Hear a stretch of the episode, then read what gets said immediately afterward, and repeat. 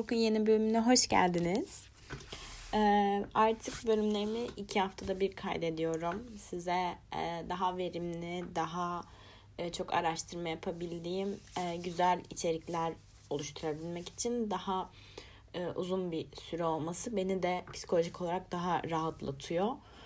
O yüzden bölümlerimi iki haftada bir eklemeye karar verdim. Hem e, zaten haftada bir eklenmesi işte dinleyemeyen insanların da geri dönüşlerini alıyorum. İşte haftada bir olduğu için yetişemeyenler olabiliyor. Ve bağlantılı bölümler yapmayı planladığım için bu birazcık sorun oluşturabilir. Örneğin bugünkü bölüm gibi. Öncelikle bir önceki bölümü dinlemediyseniz e, bu bölümde anlattığım şeylerin sizin için biraz daha anlamlı olabilmesini ve daha kolay anlayabilmenizi, daha kolay uygulayabilmenizi sağlamak adına önce onu dinlemenizi tavsiye ederim. Eğer önceki bölümü dinlemediyseniz. Bugün farklı öğrenme stillerinden bahsedeceğim. Geçen hafta buradan itibaren dinlemeyenlerin önceki podcast'e gittiğini düşünerek bir spoiler vereceğim. Geçen hafta temel yapmak istediğimiz eylem hayatta temel eylemimizin ne olması hakkında konuştuk. Ve bunu yaparken e, nasıl yapacağımıza dair de küçük ipuçları vermiştim. Ama bunun tabii e, birazcık daha özelleşmiş hali var. Bu halde e, insanların farklı öğrenme biçimleri devreye giriyor. Ben de bununla ilgili biraz araştırma yaptım ve e, size bundan bahsetmek istiyorum. Ee, bugün aslında çoğumuzun vize haftası olduğu bir dönem. Yani en azından benim okulum için öyle. Ve diğer e, arkadaşlarımdan da duyduğum kadarıyla yani vizesi olmasa bile çok fazla işte çalışıp e, eksiklerini kapatmaya çalışan arkadaşlarım vardı. Bu yüzden de bunun onlar için de yararlı bir bölüm olabileceğini düşünüyorum. Şimdi ben araştırırken e, öğrenme şekilleri hakkında birçok tanım buldum. E, Dan Nın yaptığı 1960'lılardaydı yanlış hatırlamıyorsam bir öğrenme biçimi var. Ee, ve bu öğrenme biçimi üç temel başlıkta inceleniyor. Ama ben bugün e, Fleming'in 1987'de bulduğu dört başlıktan oluşan bir öğrenme stilinden bahsedeceğim. E, bu dört başlıkta aslında ilk üç tanesi e, Dan öğrenme stiliyle aynı. Görsel öğrenme, işitsel öğrenme, kinestetik öğrenme. Bu üçü Dan'da ayrılan üç tanesi. Farklı olarak 1987'de buna sözel yani okuma ve yazma öğrenmesi de eklenmiş. Bugün size bu dört tane öğrenme biçiminden bahsedeceğim. Beni dinledikten sonra e, kendi öğrenme biçiminizin ne olduğunu fark edip e, bu öğrenme biçimine göre e, hem iş hayatınızda hem okul hayatınızda yaptığınız çalışmaları buna göre şekillendirebilmenizi umut ediyorum. Öncelikle görsel öğrenmeden başlayalım. Görsel öğrenme tahmin edebileceğiniz gibi şekillerin, grafiklerin, diyagramların, resimlerin e, bol olduğu öğrenme şekli. Bu öğrenme şekline sahip insanlar genelde öğrendikleri şeyleri grafiklere, tablolara ya da çeşitli resim e, hallerine aktarmayı tercih ediyorlar. Ve genelde bu en yaygın olan öğrenme biçimi insanların %65'i görsel öğrenme e, tarzında öğrenme sağlıyor. Hatta zaten şu anki eğitim sisteminde bizim sürekli grafik çizmemizin, e, sürekli işte şekile yönlendirilen bir eğitim e, tarzı almamızın temel sebeplerinden biri çoğu kişinin bin, yani %65 kadarımızın bu şekilde öğrenme ya sahip olması. E, görsel olarak bir şeyleri öğrenen insanlar genelde mesela şu an online eğitimde e, hem dinleme hem izleme olanağı sağlıyor bizim okulumuz bize. Ve görsel e, öğrenmesi olan insanlar bunu görerek hiçbir şey olmasa bile ekrana bakarak öğrenmeyi tercih eden insanlar olabilir. Ee, çok detaylı ve çok odaklı notlar alan kişiler olabilirsiniz. Ve bunları küçük diyagramlar halinde bağlantılar da kurarak e, anlıyor olabilirsiniz. Peki bu öğrenme sistemine sahipseniz e, ne yapabilirsiniz? Ondan da bahsedeyim. E, İlk başta bolca renkli kalemler, renkli kağıtlar kullanabilirsiniz. Bu sizin o notu görsel olarak hafızanıza alabilmenizi sağlayacak. Mesela benim e, bir arkadaşım da direkt sayfayı olduğu gibi sayfa halinde gözünün önünde canlandırıp oradan okuma yapabiliyordu mesela. Bu e, ileri derecede bir görsel hafıza. Yani taramak gibi direkt sayfayı tamamını aklına tutabiliyordu görsel şekilde. E, renkli kalemler bunun için e, size yardımcı olabilir. Grafikler, tablolar veya diyagramlar herhangi bir konuyla ilgili diyagram şeklinde bağlantılar kurmak yardımcı olabilir.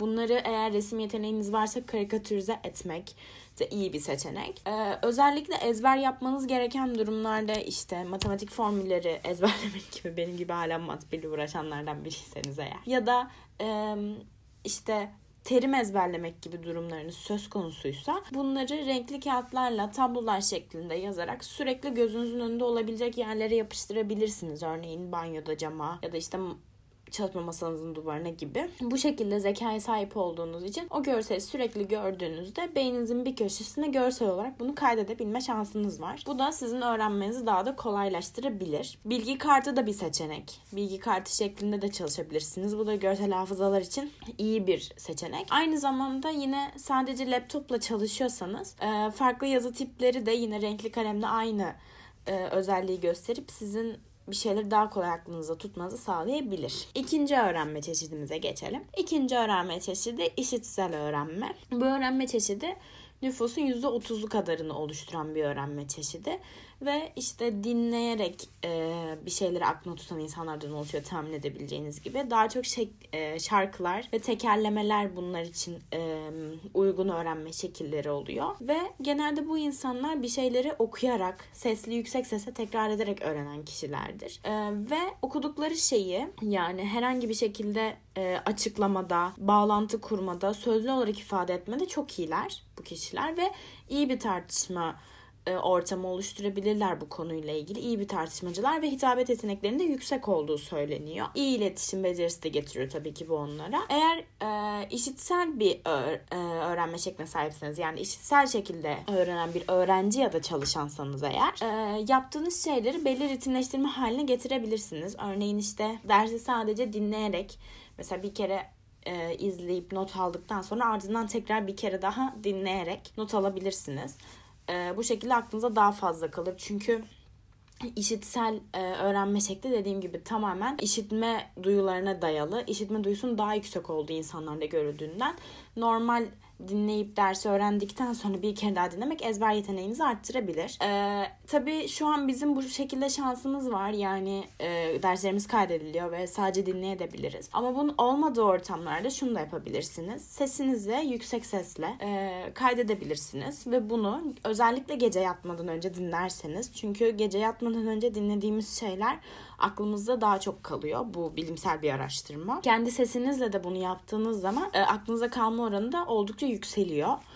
Eğer kendi sesinize dersinizi kaydederseniz bunu e, yatmadan önce dinlemenize sizin için e, ezberlenecek derslerde e, oldukça yüksek bir verim sağlar. Aynı zamanlarda çalışırken yazdığınız zaman bir yandan da okuyabilirsiniz. Eğer e, kütüphane gibi sessiz bir ortamda çalışmıyorsanız yazarken bir yandan okumak e, yüksek sesle tekrar etmek de bu insanlar için iyi bir e, seçenek olabilir. Şimdi gelelim üçüncü tipe. Ben bu tipe mensup bir insanım.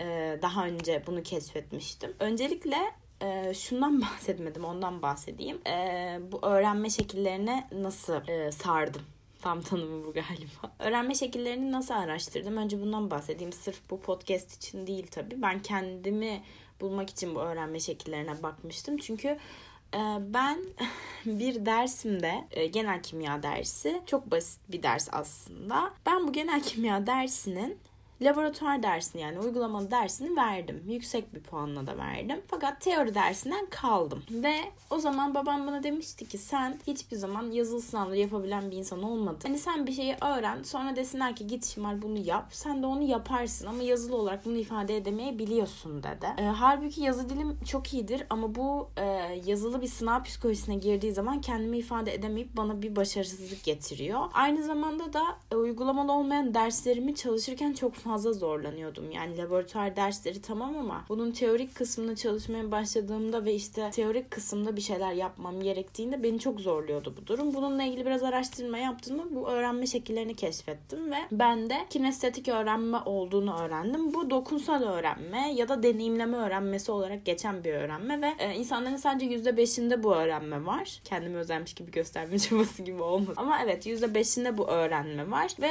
e, çok fazla kişide bu öğrenme olmadığı için şu anda eğitim sistemimizde buna uygun bir eğitim sistemi değil tahmin edebileceğiniz gibi. Bu yüzden uygulama dersleri teorik derslere göre nispeten az.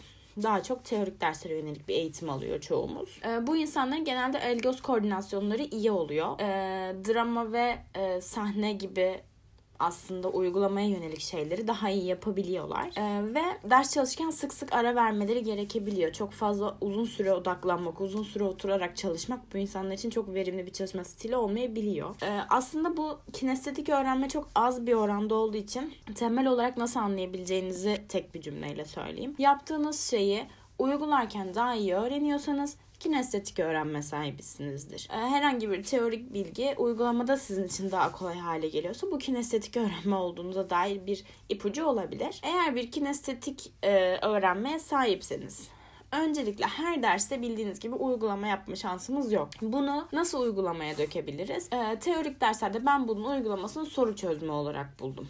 Yani normal laboratuvar derslerin haricinde teorik bir dersle ilgili bir bilgi öğrenmem gerektiğinde bunun konusuna çok fazla çalışmak e, ve enerjimi buna harcamak yerine konuyu soru çalışarak daha çok pekiştirmek ve bunun üzerine giderek uygulamada öğrenmeyi tercih ediyorum. Ve bu e, özellikle konuyu bitirdikten sonra kendime özel bir soru çözme zamanı ayırmak başarımı da birazcık e, arttırdı. Tabii şu an daha çok yeni bir süreç olduğu için çok az görüyorum bu e, artışı ya da farkı. Ama e, şu an için benim için iyi gidiyor. Aynı zamanda ben zaten bunu hep yapıyordum ama yine de renkli kağıtlar ve kalemler kullanmak odaklanmamı beni çok arttırıyor ve motivasyonumu da arttırıyor. E, bu şekilde de sürekli e, çalışma süremi bir tık daha arttırmaya başlıyorum. Mesela bu çalışma süremde Pomodoro tekniğini kullanıyorum ben. E, bu insana çok fazla uzun süre atıyorum. Bir saat oturup uzun süre çalışamayan insanlar oldukları için Pomodoro tekniği bu kişiler için çok uygun. Ben onu kullanıyorum. Nedir bu Pomodoro tekniği? Bu Pomodoro tekniği 25 dakika çalışıp 5 dakika ara vermek üzerine kurulu bir teknik. Bu 25 dakika çalışma ve 5 dakika e, mola olan e, zaman dilimini bir pomodoro olarak hesaplıyoruz. Bundan 5 tane yapınca yarım saatlik bir uzun ara veriyoruz. Ve bu şekilde aslında çok uzun süreli odaklanıp e, çalışamayan insanların uzun süre verimli çalışmasını amaçlıyor bu teknik. Ben bu e, uygulama için Forest'ı kullanıyorum. Forest aynı zamanda bu şekilde süre tutabildiğimiz bir uygulama. Yine de araştırmanızı tavsiye ederim ama tabii ki bir uygulama kullanmak zorunda değilsiniz. Normal e, kronometre kullanarak da bunu yapabilirsiniz. Ama Pomodoro tekniği bu şekilde öğrenmeye sahip insanlar ya da uzun süre odaklanamayan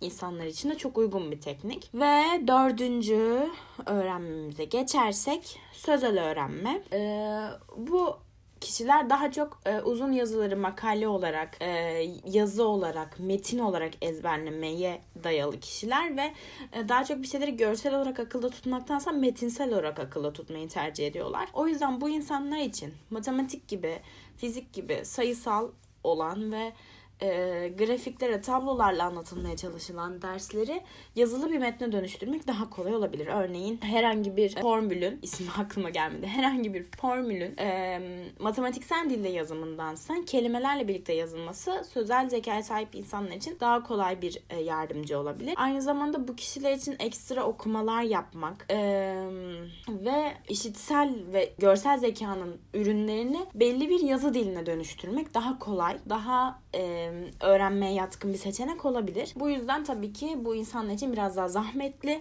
ama bol bol yazarak çalışmak en önemli özellik ve yarar bence. Genel olarak öğrenme şekillerimiz böyle. Dediğim gibi e, bu tabii ki bilimsel olarak yapılan dört tane gruplandırılmış öğrenme çeşidi ama siz de daha farklı bir öğrenme çeşidi olduğunu düşünüyor olabilirsiniz. İkisini aynı anda yaptığınızı düşünüyor olabilirsiniz. Bu e, artık kendinizi keşfetmenize alakalı bir durum. Ben kısaca bu bölümde neler yapabileceğinizden bahsettim. Bu konuyla ilgili bana bir şeyler yazmak isterseniz, konuşmak isterseniz Instagram Simay Senem ve Twitter'dan da bana ulaşabilirsiniz. Çok eğlendim bu bölümü kaydederken çünkü kendimi bulduğum ve işte bana yarar sağlayan bir şeyi paylaşmak hoşuma gidiyor. Son iki bölümdür biraz e, kişisel gelişime kaydığına dair şeyler aldım ama e, bu şekilde konuşmak da aslında hayatın içinden ve bizim aslında yapmamız gereken atladığımız şeyler. Bunu elimden geldiğince e, daha açık ve daha boğmadan yapmaya çalışıyorum.